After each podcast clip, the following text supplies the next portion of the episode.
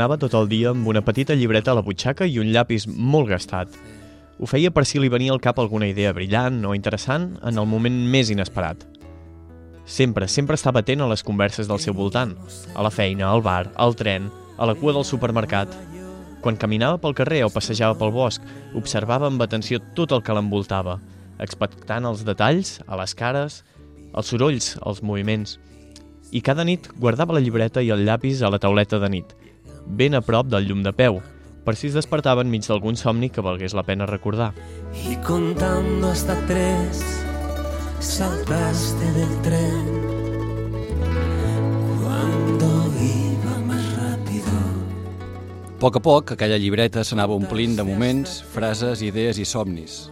I el llapis s'anava fent cada vegada més petit.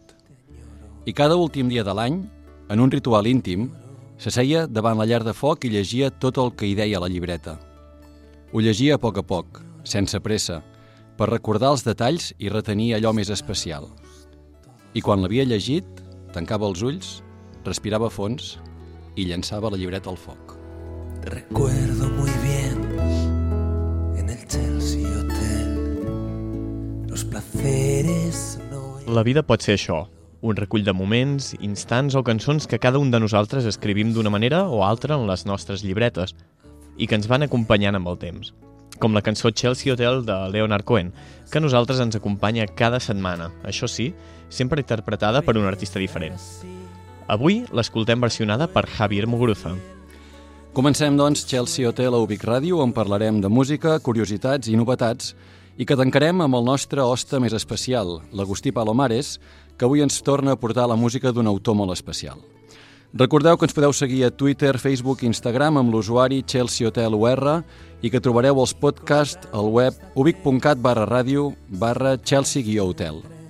La porta giratòria s'ha posat en marxa i ja veiem com s'acosta per la catifa vermella el nostre convidat d'avui al Chelsea Hotel d'Ubic Ràdio.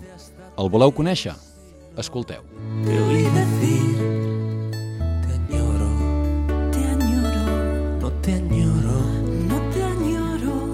te añoro, no te añoro.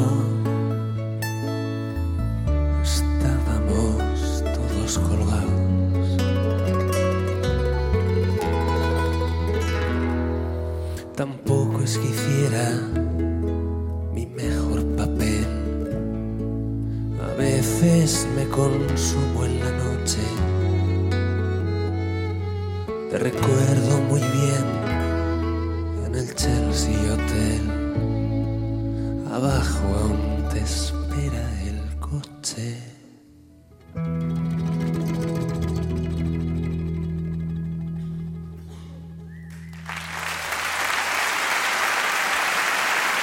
Eskerrik asko, moltes gràcies.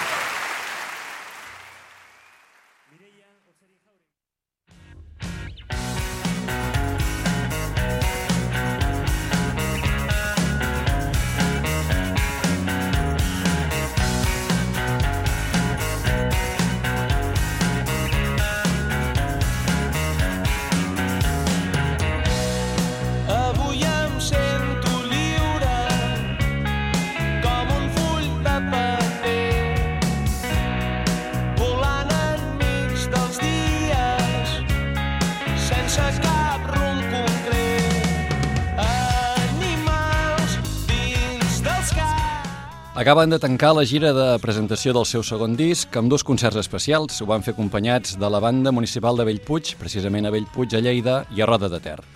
Fins ara han tret dos discos al mercat i són una de les bandes més interessants del panorama musical del nostre país, sense cap mena de dubte.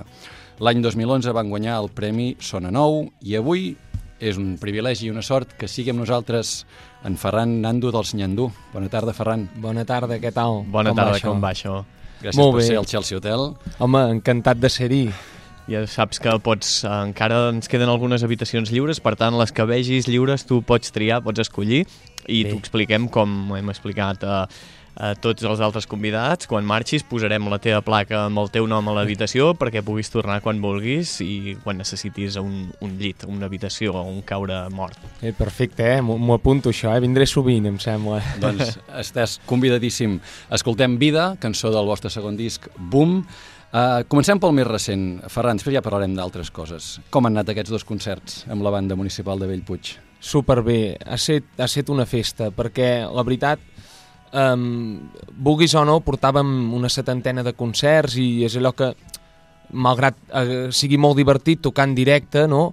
també t'acabes cansant una mica el fet d'anar repetint sempre les mateixes cançons i el cos demana, demana parar i demana fer coses noves, no? Llavors eh, arribes al final i dius, ostres, hem d'acabar d'alguna manera especial, però, però com ho fem? I a vegades el cap comença a donar voltes, vols fer les mil i una, vols fer una cosa molt gran i, i al final vam dir, ei, fem una festa, que és el casset, amb la banda municipal de Bellpuig, que va ser casualitat, ens van demanar per fer alguna junts, vam dir aprofitem-ho, i han set dos concerts que han anat superbé, molt emotius, eh, amb molt públic, i, i, i ha estat interessant fer, donar aquest últim impuls a les cançons, no amb una banda municipal a darrere eh, donant detallets que, que el disc no hi eren. El nivell de sonoritat devia ser aquesta conjunció de... Vosaltres sou molt elèctrics, molt, molt directes, i la banda és un altre tipus de, de música. Suposo que l'amalgama la, devia ser més que interessant, no? Sí, sí, sí, era curiós, perquè nosaltres eh, som molt, molt punkis, per dir-ho d'una manera, no? Mm. Eh, nosaltres toquem i ja està. I el concepte de, que es té en, en una banda municipal eh, a vegades és més quadrat, no? I ha estat interessant aquesta fusió. Jo crec que, que els dos cantors se n'han beneficiat. Hem après molt un de l'altre. Com, com va ser que ho contactessin amb vosaltres, els de la banda municipal de, de Bellpuig? Doncs eh, ens vam adonar eh, que, que, que han fet diversos projectes. El Víctor Leixà, el director, és un tio amb molta empenta i li agrada això, no? de, a part de, de fer les seves cançons amb la banda municipal i de, que és una cosa doncs, que, que es queda allà al seu poble, ell, ell sempre, sempre té ganes de, de donar una altra dimensió, de, de, de col·laborar amb, amb gent diferent, i va ser això, ell va anar buscant grups de música que, actuals que, que li poguessin agradar i quan ens va sentir nosaltres va dir, hòstia, aquesta colla foten rock and roll, eh, ens havia vist algun vídeo i va dir ha de ser, ha de ser guapo guiar-la per aquí, no? Home. I ens va, ens va contactar i vam dir gas. Si, va, si ha vist el videoclip del camp de futbol, ens tornarem a veure, segur que va dir hem de fer alguna cosa amb aquesta gent, perquè el, el vídeo és espectacular. És sí, brutal. Sí, sí, és, és, és, una, és tot un món allò. No, la veritat és que estem molt contents perquè va ser, va ser una, una idea que va sortir de nosaltres, de, del grup, del mànager i, i de la gent que està al projecte, que som tots amics, i vam començar a liar-la, no? imaginar-nos el del camp de futbol amb els diferents personatges, i, i va ser molt bonic perquè al final la gent que hi surt són amics nostres, alguns més propers que d'altres, però tot és gent amateur, entre cometes, que fot un paperàs allà uh -huh. i, que, i que es va, bueno, va donar un dia de la seva vida a, a fer això per nosaltres. Home, ja que parlem de, dels vídeos, també mencionar l'altre un altre de, dels altres clips que teniu, que tots van una mica en, en, en el sentit d'idees una mica esbojarrades, no? El de l'enterrament. Eh, recordem? Com, com el d'aquesta cançó que escoltàvem, el de Vida. Exacte, de Vida. Sí, senyor. Uh, que, qui aporta aquestes idees? Sou vosaltres o és gent externa que us diu mira, fem aquest vídeo, que tinc aquesta idea, que això... Normalment, almenys en aquests dos últims videoclips, eh, nosaltres sempre hi som en les reunions, no? Sí que sabem que hi ha grups que directament posen la feina a un altre cantó, a una empresa o, o col·legues, a qui sigui, encarrega't tu, la cançó és això. Nosaltres, amb tot, eh, fins i tot amb la portada del disc, fent samarretes i videoclips, i sempre hi som allà ficats. I el que fem és, ens assentem, eh, els tres del grup, amb el mànager, amb els mànagers, amb si hi ha algú més doncs, que hagi de participar al projecte, com en aquest cas, que, que hi havia en Pol Aragall i la Gorda Cruselles que van fer, van fer la producció uh -huh. del videoclip i això, doncs entre tots ho parlem, i o sigui, comencem de zero, no sabem què passarà, ens fotem a xerrar, el que sempre ens agrada molt és fugir de la temàtica, és a dir, ens tornarem a veure, no? Una relació que s'acaba, desamor. No, fora, fora, res, res a veure amb l'amor. sí, ha de ser una altra cosa. Camp Què? de futbol. Exacte, no sé. uns hooligans allà. Pel que sigui, pel que has llegit el dia abans, pel que has vist, per... tens una idea, la tires fora, no mola. Aquesta, va, i d'una a l'altra va sortint va sortir una fricada No, collonut, que acaba sent. collonut. collonut. Ara ens parlaves que en aquesta gira que vau tancar a Roda de Ter i a Bellpuig heu fet uns 70 concerts, per tant heu fet una bona gira de, de, de presentació, de fer córrer el, el boom. Et quedes amb algun d'aquests concerts, amb alguna cosa especial? Vau fer una plaça major, música viva, Uh, però també moltes festes majors, jo recordo Sant Vicenç uh, de Torelló, vull dir que us he vist en, en més d'un directe, et quedes amb alguna cosa, amb, amb algun concert especial, o dius, hòstia, no, en general tots han sigut... Sí, és que en, en general eh, en general tots han sigut l'hòstia. Evidentment, música viva, jo crec que és el concert que, bueno... Que tots somien, que? Sí, que hem somiat sempre, que tothom somia i, i, i que no oblidaré mai. Tot i així, el concert en si, no sé si dir-te si ho vaig disfrutar molt, perquè estava com tan nerviós Ja.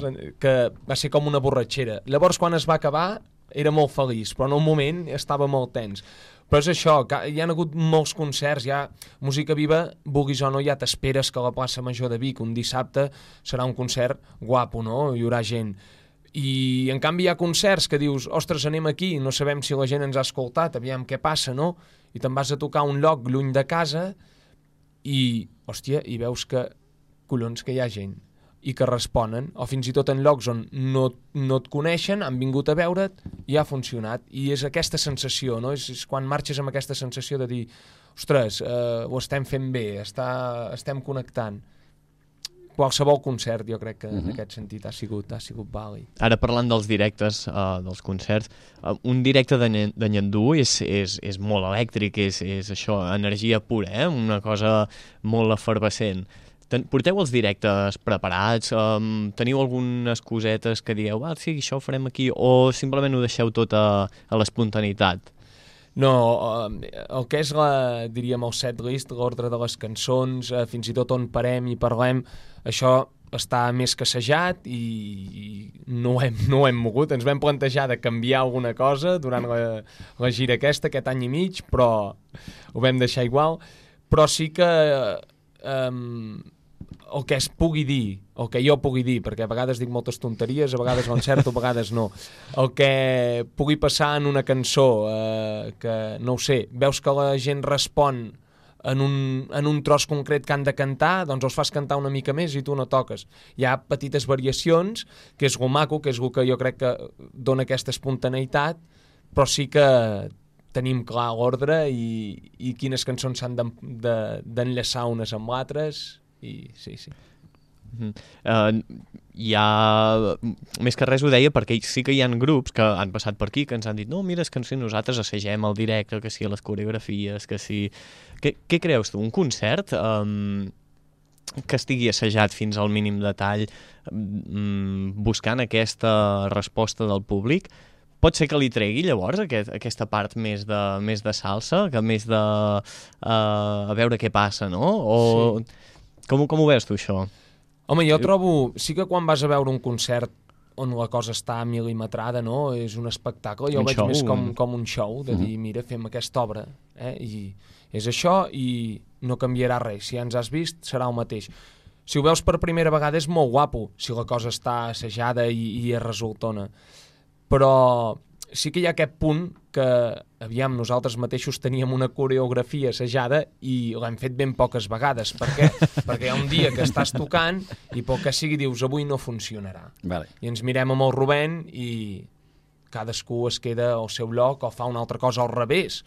Eh, en algun moment en què sembla que hi ha un, un, un moment de tranquil·litat, que hem d'estar tocant tranquil·lament, doncs a mi se'm para el cap, apreto el pedal de distorsió, foto quatre rascades, crido una mica i canvia la dinàmica.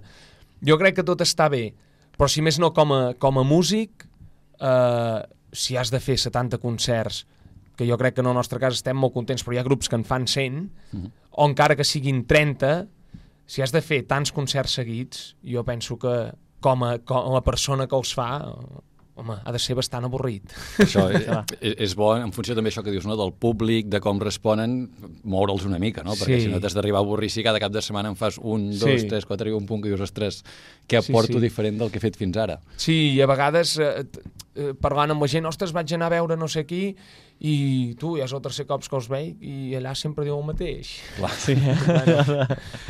Veníeu del Boom, que el vau editar l'any 2015, l'any passat, i és el, el segon disc de Nyandú. Uh, el primer, l'origen de les absències, veníeu del Sona Nou. Uh, aquest segon disc, en diferència amb el primer, mm, heu sigut més vosaltres, heu pogut ser més lliures a l'hora de crear-lo pel tema, no sé, el tema doncs, de, de composició, de, de creació. Quina diferència entre el boom i el, i el primer disc, Ferran? Jo crec que sempre hem sent nosaltres i això és una cosa que, que ja anem veient fins i tot ara fent cançons noves, no? Que nosaltres quan fem un disco fem una foto del moment en què estem. Uh -huh. Musicalment, anímicament, eh, llavors deixem anar allà i allò és el que queda gravat. Clar, en el cas del boom va ser molt més espontani, en el sentit d'estar els tres al local, de fer rock and roll, de composar allà i, i, i deixar-ho pràcticament igual a l'hora d'entrar a l'estudi, no? De dir, oita, la cosa sona així, eh, ho gravem i ja farem els mínims arranjaments, però que en directe puguem ser tres persones i, i, i sigui fidel al disc. En canvi, l'origen de les absències, suposo que també, donat que en aquell moment eh, el projecte estava en una sonoritat més acústica i que era la primera vegada que gravàvem un disc amb, diríem allò, eh, estant uns quants dies en una, en una casa, anant a l'estudi, invertint totes les hores del dia allà, per primer cop fer aquesta experiència, nosaltres eh, vam aprofitar per produir, produir, per gravar eh, una guitarra, ara una mandolina, ara la bateria així, ara una altra bateria així, ara... No, i va ser un projecte, poder dins de l'estudi, molt més, molt més explosiu, no? Mm. Són super diferents, jo crec, però, però és això. Eh, per exemple, ara ens sentim molt més còmodes en, en un, diríem, en una manera de fer semblant al boom, no? Molt més... que en directe sigui, sigui més fidel. Heu trobat és més la vostra és. línia per aquí, no? Sí. Potser això que deies, som molt punquis a l'escenari, el que deies potser és, és això, no? Tots tres alhora, més, Mm. mm. més directes. Sí, jo, al final, les cançons en si ens agrada que... És a dir, podrien ser... Ens agrada que es puguin tocar amb una guitarra espanyola i amb un piano i que soni la cançó més maca del món. Però llavors, a l'hora de donar-los la sonoritat, aquest punt una mica més, més guarro, per dir-ho així, doncs és el que hem fet amb el boom i això és el que, és el que ens va. Sí, home, és, és clarament molt més elèctric, no? Molt més uh, contundent. És, sí, sí. sí. Això us ho plantegeu en el moment de dir va, anem a fer el segon disc? Fem-lo així? O és que simplement surt uh, d'aquesta manera? És una mica tot, perquè ens ho plantegem, eh? Sempre, uh -huh. eh, clar, durant un any i mig, eh, bueno, dic un any i mig, però són, són dos i mig, no? Perquè el disco va sortir el gener del 2015, però hi ha cançons que ja tenien un any i mig perquè ja, ja les estaven fent. I clar, tot aquest temps també vas escoltar música, eh, i tens ganes de provar coses noves hi ha un moment en què diem hosti, hauria de tirar cap aquí, hauria de tirar cap allà, ens agradaria provar això, allò. Però què passa? Que et poses a tocar al local i va, no t'acaba d'agradar. Però un dia fas una cançó, tens una idea que és diferent al que tenies pensat, hòstia, i tu, això, això és guai, t'hi sents còmode, va, vas parlar, no? I ens ho plantegem, però fins que no hem provat i no ens sentim còmodes en una sonoritat i en una manera de, de fer, no, no, és a dir, no, no en som conscients. Llavors sí que diem, ostres, per aquí mola, va, fem això. Aquesta cançó, eh, provem-la de fer així, més tirant cap aquí. Uh -huh. I ja que estàvem ara aquí en el procés de composició, un, una pregunta clàssica. Com, com ho feu? Com ho feu, això? Doncs, um, aviam, no, bàsicament, eh, la idea de la cançó, que seria la, la melodia i, i l'harmonia, la porto jo, porto una, a vegades pot ser una cançó ja eh, de dalt a baix, però que seria guitarra i veu, eh? O a vegades és una simple idea que la desenvolupem entre tots.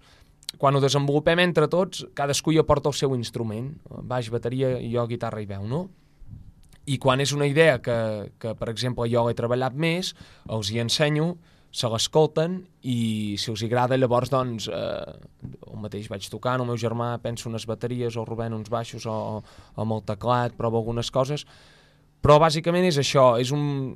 la idea en general surt d'una persona però que seria llavors decidir si aquella cançó està bé, no està bé com la musiquem eh, si afegim una part, en traiem una altra això és, és feina de tots jo crec que és això important, que és aquí on el que dona vida a la cançó Pel que he entès, les idees les, uh, les sols aportar tu, tu, Nando? sí, Sí, eh? Bastant, ets el que arriba al local i diu escrius, he tingut aquesta idea, què us Sí. sembla? En el, en el sentit de melodia de veu, eh? I, i, de, Mhm. i de cors que ho acompanyen, eh? Mhm. És, així simplement. Que al final és el que seria una cançó, eh? Vull dir, És la base. agafes la guitarra i la veu i ja ho tens. Les lletres també són teves. Entenc que ets Sí. tu també el lletrista, qui pensa les idees i qui les, Sí, qui les escriu, eh? sí. Sempre hi ha... És a dir, no és una posició de dir és així i serà així, no. Eh, I això us agrada? Podem treure'n alguna cosa? Sí, va. Aquesta frase, què? I llavors, doncs, eh, també tothom hi aporta. Jo sempre m'he preguntat això, i mira, ara que tinc un lletrista aquí, uh, uh, aprofito. Com, com ho fa un, un lletrista a l'hora de dir, perquè això suposo que tu deus escriure, deus tenir Sí. coses escrites, doncs de dir, mira, doncs aquesta lletra, ostres, crec que, que vindria bé en aquesta cançó. O és a vegades la cançó que et diu, mira, m'inspira més això. I llavors com hi trobes la melodia? Sí. Què va primer, la lletra, la melodia? Com ho enganxes tot això?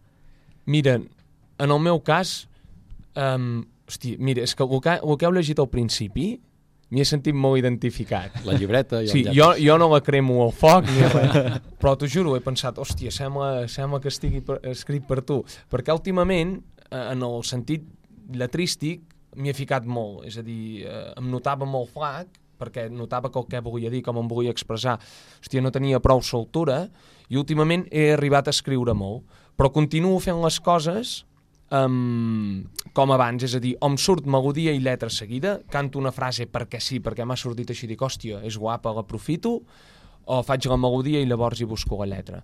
O en tot cas, tinc una idea, tinc una història al cap i llavors la desenvolupo, però sobre la melodia. Mai faig lletra i llavors la vaig a musicar. I ara en quin moment esteu? Vull dir que al gener del 2015 trieu el boom, ara estaves parlant ja de noves cançons, per on passeu ara? Esteu ja preparant material nou? Sí, ara estem, estem en aquest punt de- d'escoltar-nos de, idees que, que, que hi han i començant-les a desenvolupar. Uh -huh. Ara estem en el procés a punt d'arrencar, diríem. Hem estat descansant molt, hem fet bolos, però hem, entre setmana hem aprofitat per, per eliminar els assajos i descansar, i així també el Coco pot anar fent cançons i, i, i anar-se motivant, i ara, ara a finals d'any ens hi tornarem a posar a tope. Per tant, l'any que ve, nou disc. Sí, segurament que sí. Vaja, ho dic amb la boca petita, però jo crec que sí. Perquè a, a nivell discogràfic com esteu ara? Havíeu tret el boom en música global? Hmm. Mm, teniu contracte encara? Com, com funciona una mica? Sí, sí, sí. Eh, diríem, eh, això sempre amb les discogràfiques, eh, sempre no, però moltes vegades hi ha el que es diu negociacions, no? Diríem que estem en aquest punt ara nosaltres. Mhm. eh, hem treballat en música global, encara estem en música global, i ara toca quan ens hem de sentar i parlar del tercer disc, si les dues parts hi estan d'acord. A nivell de manejament, eh, també esteu ara amb, el, amb en Miqui Puig, vull dir que des d'aquest segon disc esteu, esteu amb ell. Què us ha portat? Perquè ell és un veterà de la- de l'escena, de, de la música, eh, que, bueno, que s'ho ha trepitjat tot ja amb, amb el seu grup, que a nivell de DJ vull dir, és, un, és un personatge clau també en, en el món musical, Mm. no només català, sinó espanyol també pel, pel seu domini. Què us ha portat treballar amb, amb Miqui Puig? Um, jo crec, per exemple, una, una cosa molt bona és que ens ha, ens ha polit molt, no? És a dir, ell, ell té ull i amb nosaltres ha vist unes virtuts, no? algunes coses que li han agradat molt clares i ens les ha fet ressaltar. No? Quan, per exemple, eh, sigui parlant d'un videoclip o, o plantejant el directe, no? A vegades un mateix està tocant i és difícil ser objectiu i te'n vas una mica per les rames, per dir-ho així, no? Uh -huh. I ell és un tio que, que diu, no, no, no cal que feu això. Fent això, que és el que sou vosaltres, ja n'hi ha prou. No? I en aquest sentit jo crec que, que ens ha definit molt més i ens ha fet creure més en nosaltres. A part de l'experiència que té, que clar, tu com a, quan engegues un disc o un, uns directes o això, clar, tu ten, estàs molt motivat i faries de tot i ràpid i no, i, i llavors ell atura una mica el carro, eh, diu tot arribarà, no pateixis, tranquil, ja ho farem quan s'hagi de fer i ho farem bé.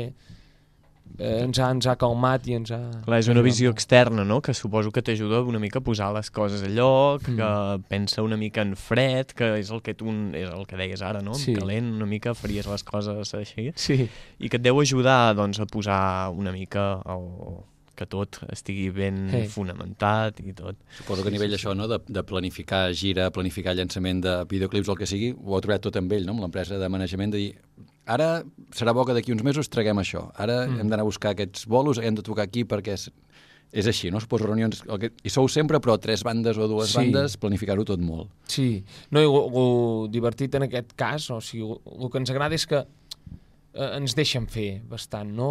Hi han hagut concerts, molts concerts que han sortit per nosaltres directament, que algú ens ha vingut a comentar alguna cosa o per un amic que coneix a tal. I en aquest sentit, ells diuen, va, ens en encarreguem, endavant, si teniu ganes de fer-ho, feu-ho. I, I a l'hora de planificar una gira, eh, no sé, saber que podràs fer el que et vingui de gust, doncs és, et, et fa estar molt tranquil. És una sort. Sí, no, i ho, di- ho dic perquè nosaltres, tot i el poc recorregut, ens hem trobat ja amb més d'un mànager i, bueno, a vegades no tothom eh, connecta tant amb el grup en aquest sentit, no? I si hi ha ganes de tocar, el que vols és que et deixin tocar. Home, de fet, surt en el vostre videoclip del Vida, no? Vull dir que sortiu una mica tots, no? El grup, els Sí, mànagers, sí, sí. i sou tots allà al, al club. I escolta'm una cosa, vosaltres sou de la Torre d'Oristà, sou de poble i ho reivindiqueu, a més a més. Mm. És a dir, nosaltres som del Lluçanès i som, som de la Torre, ho dieu, sí. ho dieu sempre. Escolta'm, això com fa que us vegin, per exemple, a Barcelona, a la capital? Això, uns nois de poble i tal, i no sé què, això us ha etiquetat o no? O us, creus que us ajuda? O allò de dir, mira, és una anècdota més que siguem de la torre.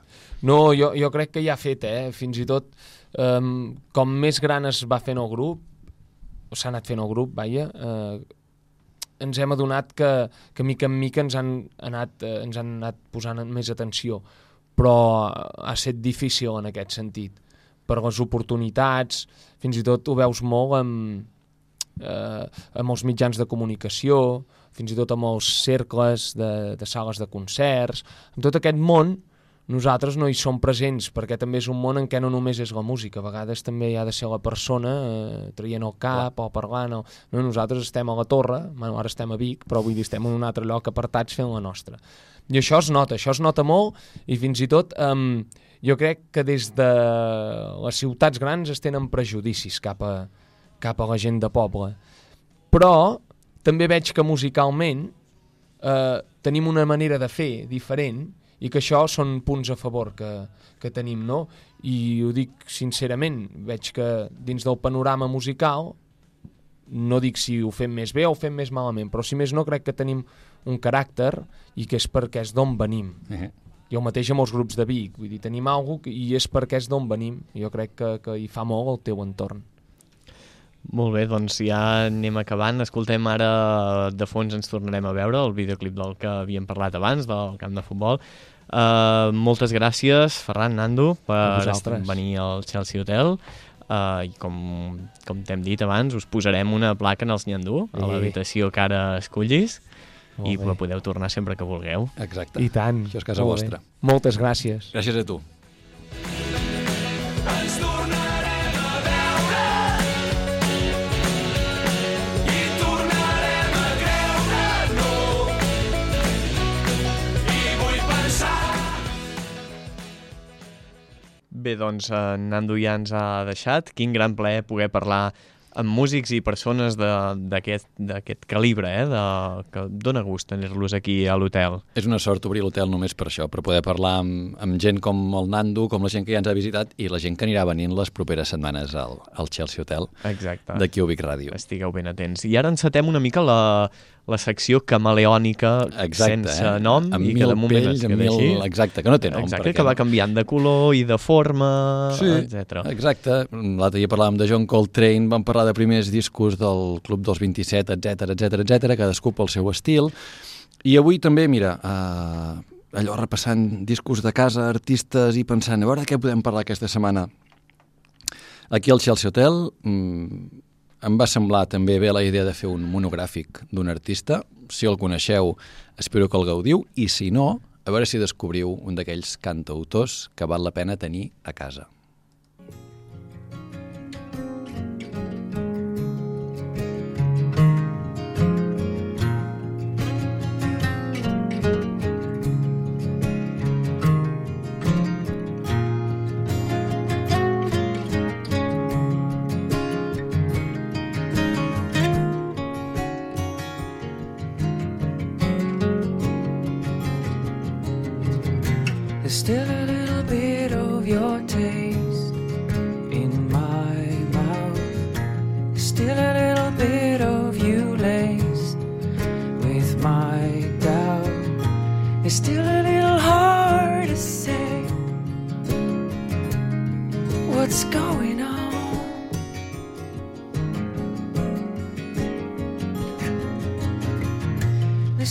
Sona que trona, eh? De... Sona fantàstic. Reveles la identitat, Sergi? Damien Rice. És el, el senyor Damien Rice, un músic irlandès que té 43 anys, fets aquest mes de, de desembre, és del 73 eh, el, el músic irlandès. La idea d'avui és escoltar una mica la seva música, repassar la discografia, una mica la biografia per conèixer-el millor, perquè crec que és un d'aquells artistes a descobrir. A escoltar a foc lent, a escoltar mica en mica, i si es pot veure en directe, absolutament recomanable. A foc lent i a la vora del foc també... Exacte, també lliga, lliga deu 100%, lligar eh? Perfecte, sí, sí.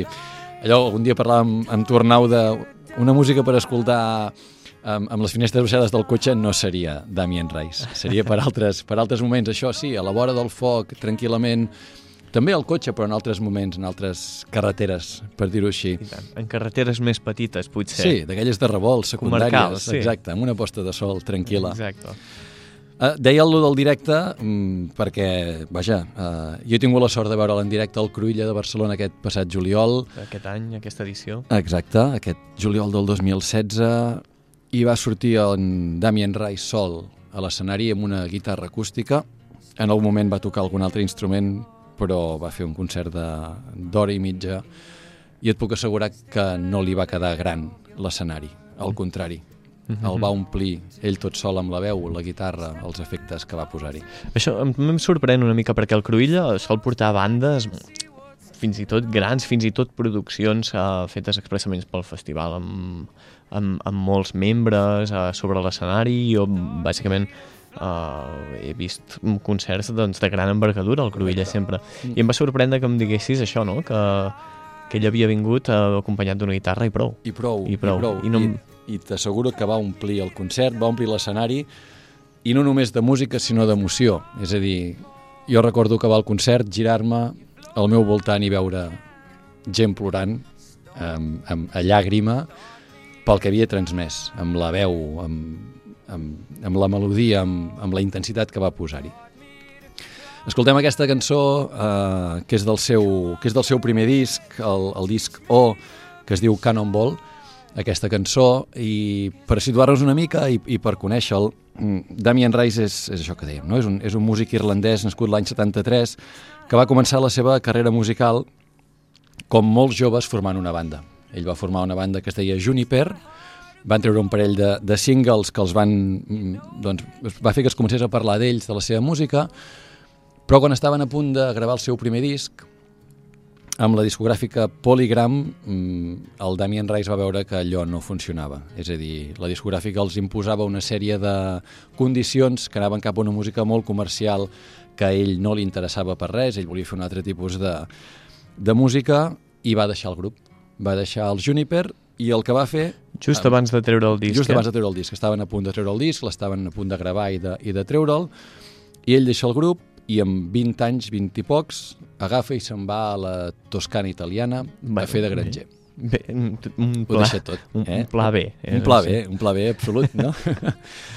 un músic irlandès, és a dir, un irlandès, ja veiem el, el, el concepte, anar-se'n a l'Europa mediterrània, a Itàlia, a la Toscana, i després d'uns anys de, de voltar per Europa, de, de fer diverses feines, se'n torna a, a Irlanda i fa la seu, el seu primer disc, amb, acompanyat del seu d'un seu cosí segon, David Arnold, li ensenya les cançons que té i, i aquest company li diu, ostres, això és material per un disc, i treu el, el disc O. Un disc que té eh, meravelles com aquestes. Eh, al final posarem la, la cançó principal del disc i, i, i motiu també de descobriment per molta gent de, de, de Damien Rice, però ell no va voler anar amb una discogràfica, sinó que va voler anar per lliure, per independent, i per controlar la seva música, perquè no li passés el que li passava amb, amb, amb Polygram. i quan ell pensava això, que seria un, un trobador pràcticament, un, un cantautor doncs, mm, de, de veu i guitarra, eh, arriba a Hollywood. Arriba a Hollywood amb, A- Arriba a Hollywood, eh? Arriba a Hollywood amb The Blower's Daughter, que l'escoltarem al final, que té una història preciosa i que crec que val la pena deixar-la al final, però es converteix en banda sonora de la pel·lícula Closer, Mm -hmm. dirigida per Mike Nichols, una pel·lícula que recordareu tots amb Julia Roberts, amb Natalie Portman, amb Hugh Hugh Law, es diu? Ara no, jo a nivell d'actors, eh? Se m'escapen, no, però no Natalie Portman i, i, i Julia Roberts segur, i eh, això fa que el descobreixi al gran públic i aconsegueix molta més reconeixement, molta més fama i molt més reconegut que el que hauria tingut amb, amb Juniper, que és el que fa quan se'n va a la Toscana per, com per oblidar una mica tot. Doncs ara mateix estem escoltant de fons uh, del mateix disc, del disc O, la cançó Volcano. You do not need what I. Not what you mean to me. To give me miles and miles of mountains, and I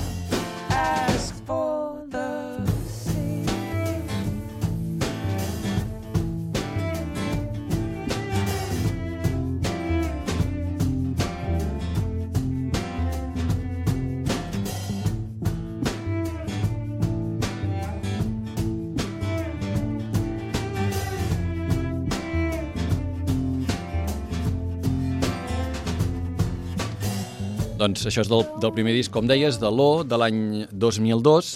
Uh, en aquest cas, doncs, Damien comença a rodar-lo i té com a segona veu uh, la Lisa Hannigan, que, bueno, que l'acompanya, és la segona veu que l'acompanya una veu femenina, i són parella, i on es veu més la, la relació mm, entre Damien Rice i Lisa Hannigan és precisament en el segon disc de, de Damien Rice, que també té un, un títol molt curt, el primer era una O, el segon és Nine, 9, que edita l'any 2006 i el seu single, cançó principal i potser més coneguda és el Nine Crimes.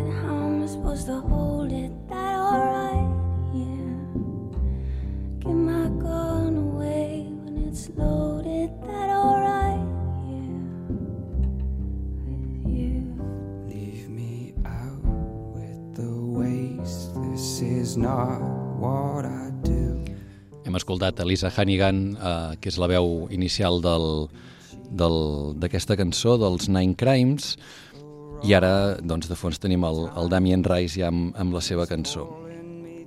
Quan estaven fent la gira de, de presentació d'aquest segon disc, del nou, del Nine, mm, la parella es va trencar. Estaven en plena gira de presentació del disc i van trencar el Damien Rice i la Lisa Hannigan.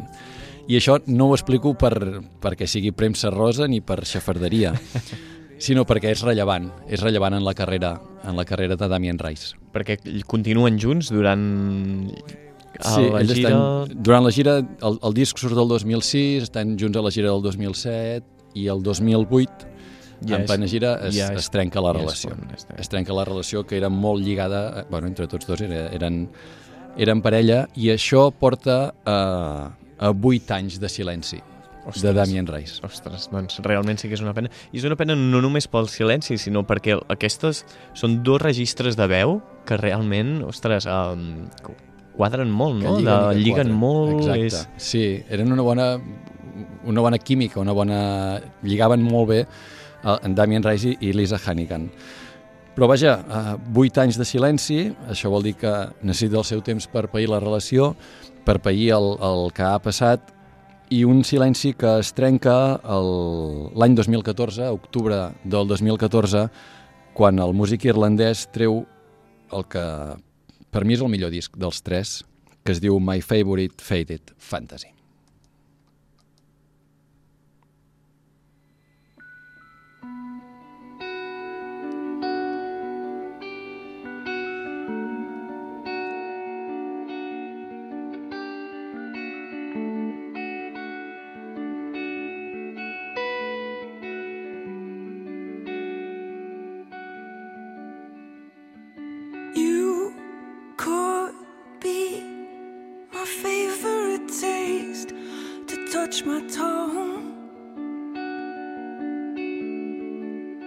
Someone who could serve me love, but it wouldn't fill me up.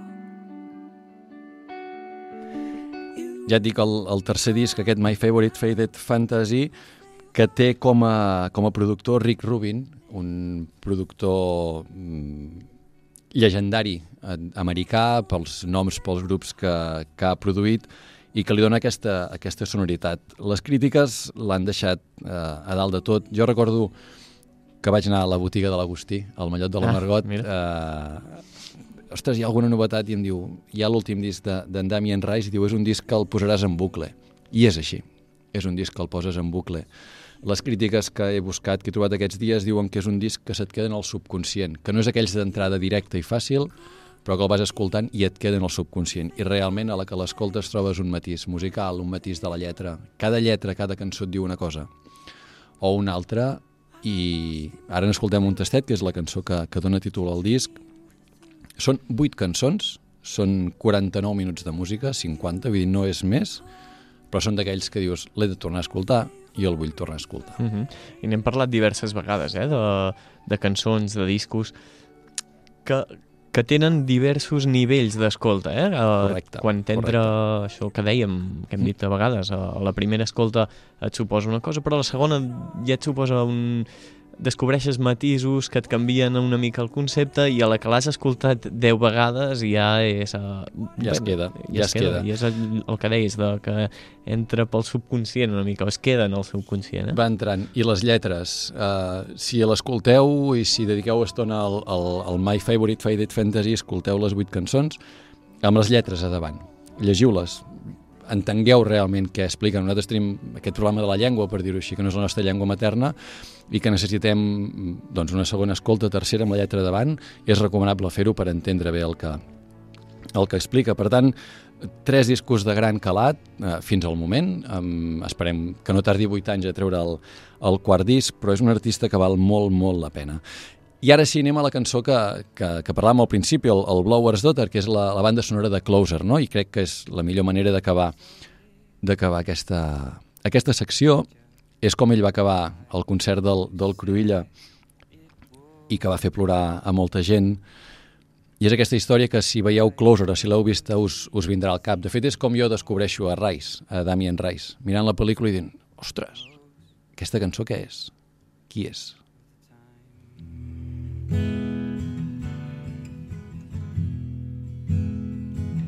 And so it is the shorter story.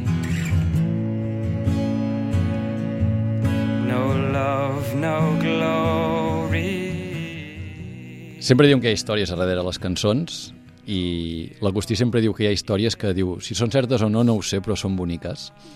Hi ha una història relacionada amb aquesta cançó que és, que és bonica i no sabem si és certa o no, que explica que, que Damien Rice treballava de teleoperador en una empresa, el que fos, i trucava per vendre productes, no sé què, què venia a les cases. I un dia va trucar a una casa i se li va posar una veu i explica que se'n va enamorar en el moment.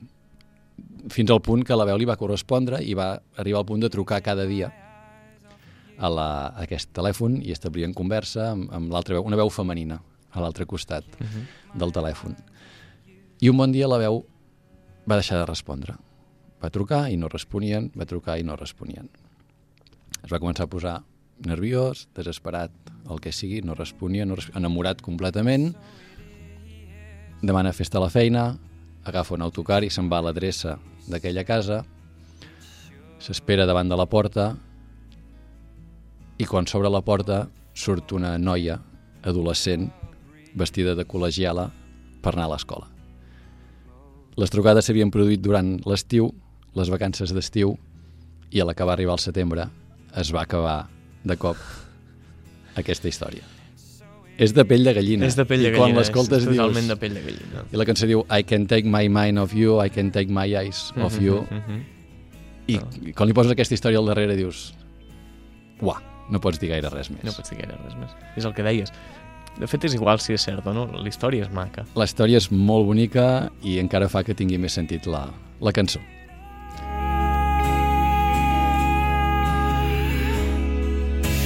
I can't take my eyes off of you.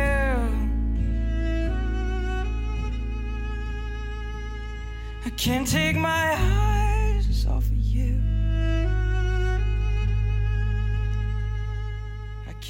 Molt bé, doncs moltes gràcies, Sergi, eh, per il·lustrar-nos avui sobre Damien Rice, un, un autor que mm, segurament molts de vosaltres, després d'avui, eh, l'escoltareu repeti repetidament, perquè jo sí que ho faré.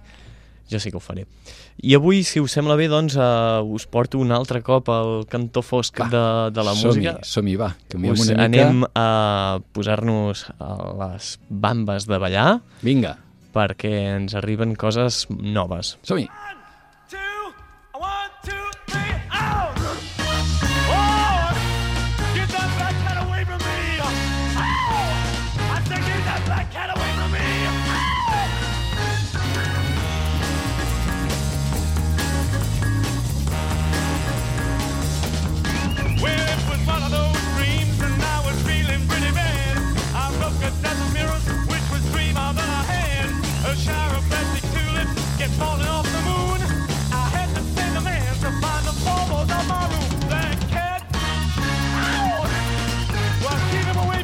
Carai, sona molt bé això, Arnau, Sona, que és? sona, també sí, sona que trona, sona Sí, que trona. senyor. Mira, doncs aquesta cançó és de Brian Augberg, val? És, però bé, no us vinc a presentar cap disc d'aquest senyor, Mhm. sinó que el que us presento avui és uh, un nou recopilatori que ha sortit uh, de, bé, que es diu uh, Chal Craig Charles Funk and Soul uh, Club número 4.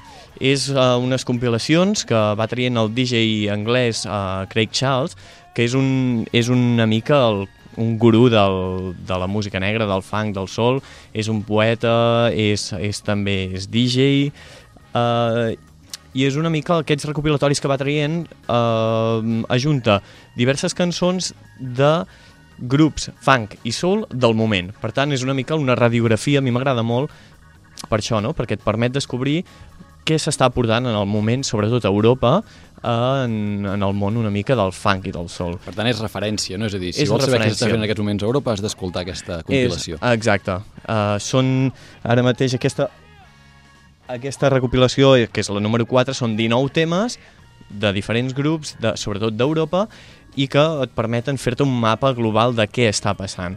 Uh, Craig Charles, doncs, mm, aprofito per dir-ho, té, un, té un programa que és un programa de referència que és uh, Craig Charles Funk and Soul uh, Show Mhm. a la BBC 6, que és la ràdio musical de la BBC, i on doncs, cada setmana porta artistes, com fem nosaltres, Com nosaltres, igual, vaja, igual, igual. d'aquí uns quants anys el Chelsea Hotel serà un Eh, eh, programa exacte. així. I que doncs, una mica et va, et va desgranant uh, l'actualitat musical de la música negra, sobretot d'aquesta part més grovera, més de funk i més de, més de soul. Com que avui no tenim més temps, ho deixarem aquí i ja us presentaré les, les novetats al pròxim, al pròxim programa, que Perfecte. recordem que serà doncs, l'últim l'últim de l'any, del Exacte, 2016. L'últim abans de, de l'aturada de Nadal. Pel gener tornarem a ser-hi, però la setmana que ve fem l'últim vuitè programa ja d'aquest Chelsea Hotel.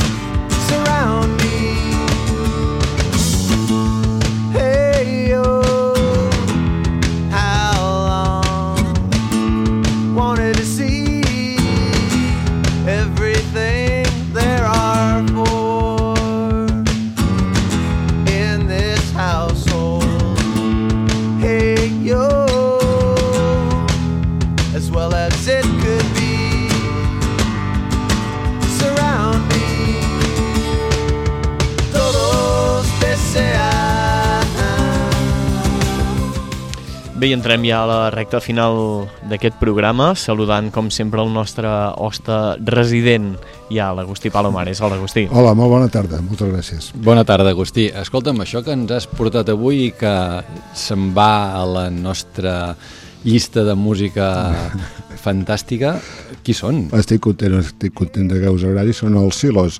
Són uns americans, però que són descendents de cubans. Per això la cançó que estem escoltant està dintre d'un LP que es diu Cuba. Cuba. Imagina't. Tot i així, no, no, no es nota massa, eh, la seva ascendència cubana. A nivell de ritme i tot A això. nivell de... No, gens, És, és, en tipus de música no, però són uns personatges que el nom dels discos normalment sempre és en, en castellà. Uh. -huh. eh, tenen un disco que es diu, aquest que es deia Cuba, Diablo, Hasta la Victòria, que sentirem una cançó per acabar d'aquest aquest disco que penso que és el, el millor que tenen. I també tenen títols en, en anglès. Són en Walter Salas Humara Ah.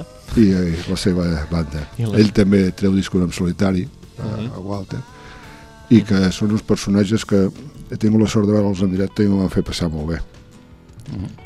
sí, és, és, és un...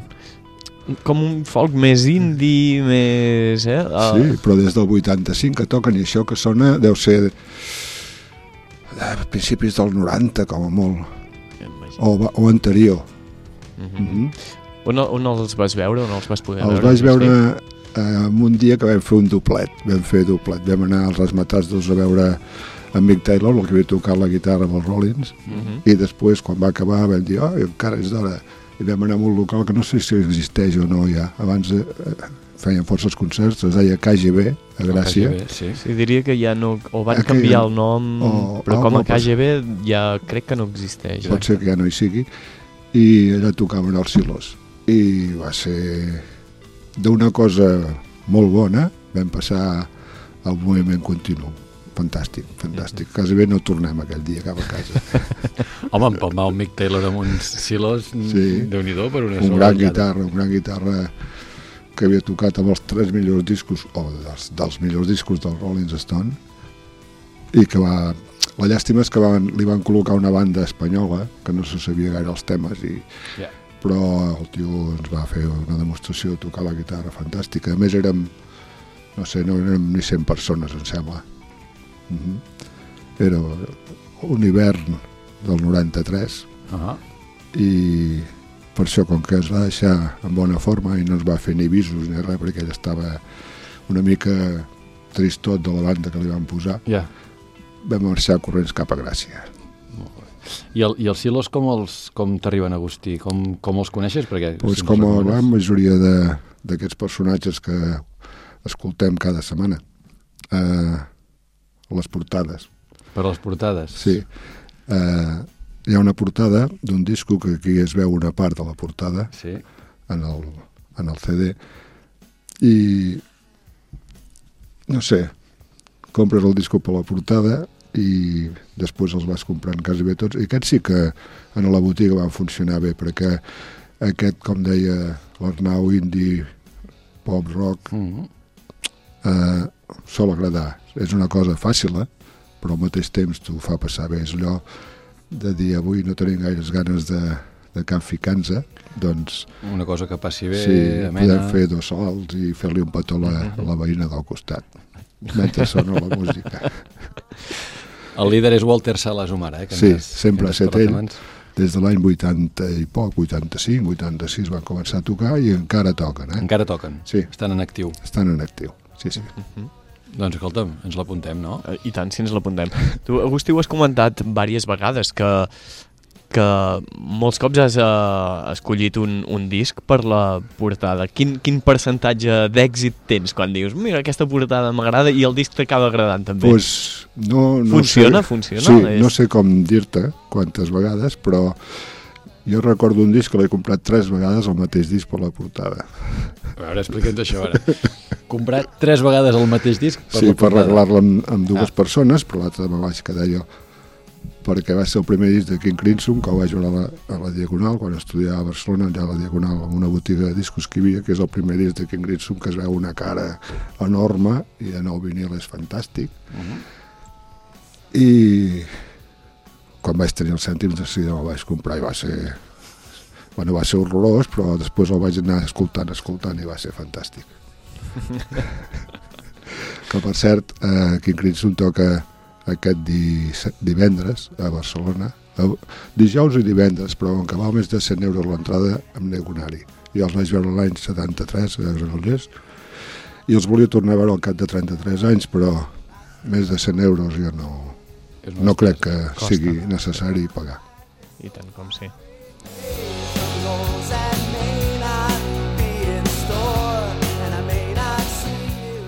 Doncs bé, com sempre, l'Agustí sempre ens prepara dues cançons de... quan ens parla d'un D'un artista. I uh, quina és la segona cançó que escoltarem? Agustí? Aquesta és la del disco que es deia Hasta la Victòria i és una cançó molt simple però molt divertida. Es diu el, el meu cotxe immens, My Big Car. drive all day. I drive around. I drive around the city.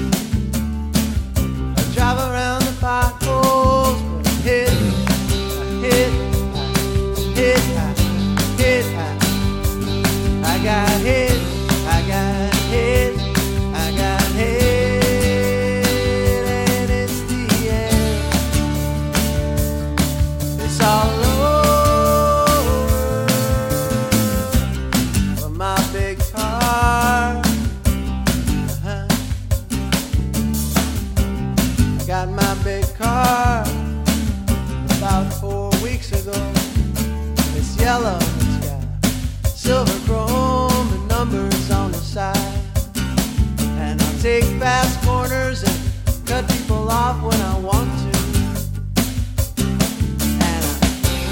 around this city. I'll leave no parts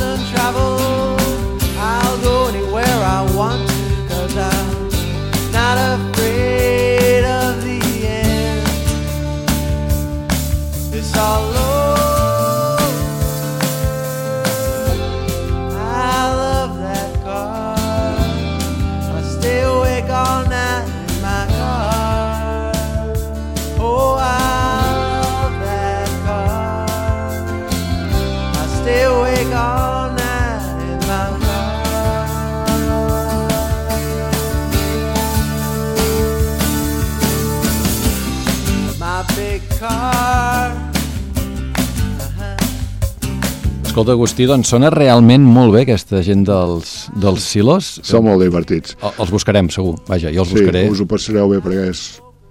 són cançons, com deia abans, eh? són cançons molt simples però que se't posen fantàsticament bé. I tant, és, Sí un, és, és, és, és, és un pop rock indie així... Mhm. I Eh, tant, ens l'apuntem. I també aquest consell, eh? a partir d'ara mirar els discos per les portades i si la, el percentatge d'èxit és alt, escolta'm. Endavant. Uh, llançar-se. a llançar-se. Exacte. Agustí, moltes gràcies. Com sempre, moltes gràcies a vosaltres per... Això és un plaer immens. La setmana que ve tornem a trucar a la porta. La setmana que ve més. I Molt moltes gràcies. Aquí nosaltres marxem, però deixem les portes de l'hotel obertes. Sabeu Exacte. que podeu tornar i entrar quan vulgueu. I escoltar els podcasts, a les xarxes socials, ens trobareu on som sempre. Una abraçada. It's all over.